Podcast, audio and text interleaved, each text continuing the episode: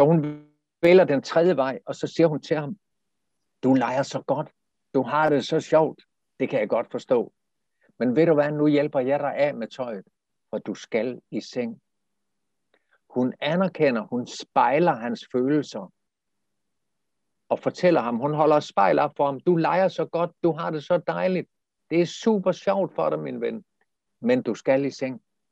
Mm. Hun spejler hans følelser og anerkender hans følelser, men hun holder fast i normen.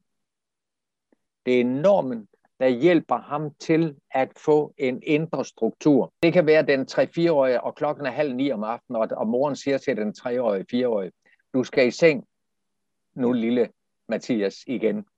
Uh, nej, det vil han ikke, for han leger så godt, og det kan man jo også godt forstå, for nu er alle kommet hjem fra arbejde, og de har det hyggeligt, og det er super dejligt aften her.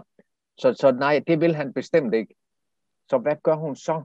Jamen, hun kan igen træde ind i den autoritære rolle og sige, du skal. Mm. Så får hun konflikten, og det arbejde, det, det orker hun ikke her efter en lang arbejdsdag. Hun kan også sige, okay, så siger vi om en time. Så giver hun ham en time til, og så ved hun, hun har udsat hele problemet til i morgen. Mm. Så hun vælger den tredje vej, og så siger hun til ham, du leger så godt, du har det så sjovt, det kan jeg godt forstå.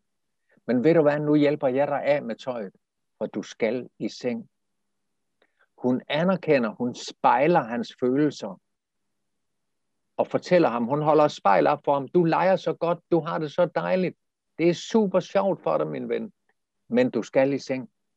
Mm. Hun spejler hans følelser og anerkender hans følelser, men hun holder fast i normen.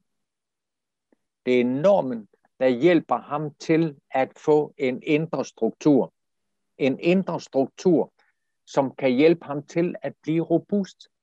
Robust er at overtage nogle normer og gøre dem til sine egne. Psykologien kalder det internalisering, inderliggørelse. Jeg overtager dem.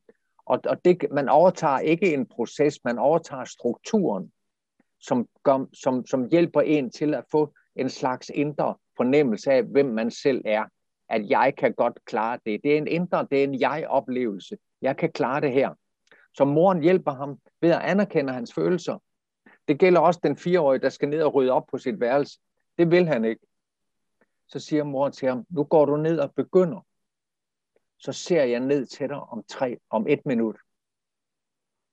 Hun hjælper ham, man kalder det jeg-støtte. Hun hjælper ham lige til at komme over den her hørtel. Åh, oh, det er synd for mig, det kan jeg ikke. Mm. Du, du kan. Han får lige et skub. Så, ja, så du får lige et skub, og så lige præcis. Og så ser jeg ned til dig om et minut, og mm. giver dig en lille håndtrækning. Det er der, hvor man kan sige, at vi skal ind og arbejde med processen. Vi skal mm. hjælpe dem til at klare det her. Vi skal ind i et nærvær med den. Gå over broen til den. Anerkende følelserne, men hold fast i normen under overfladen.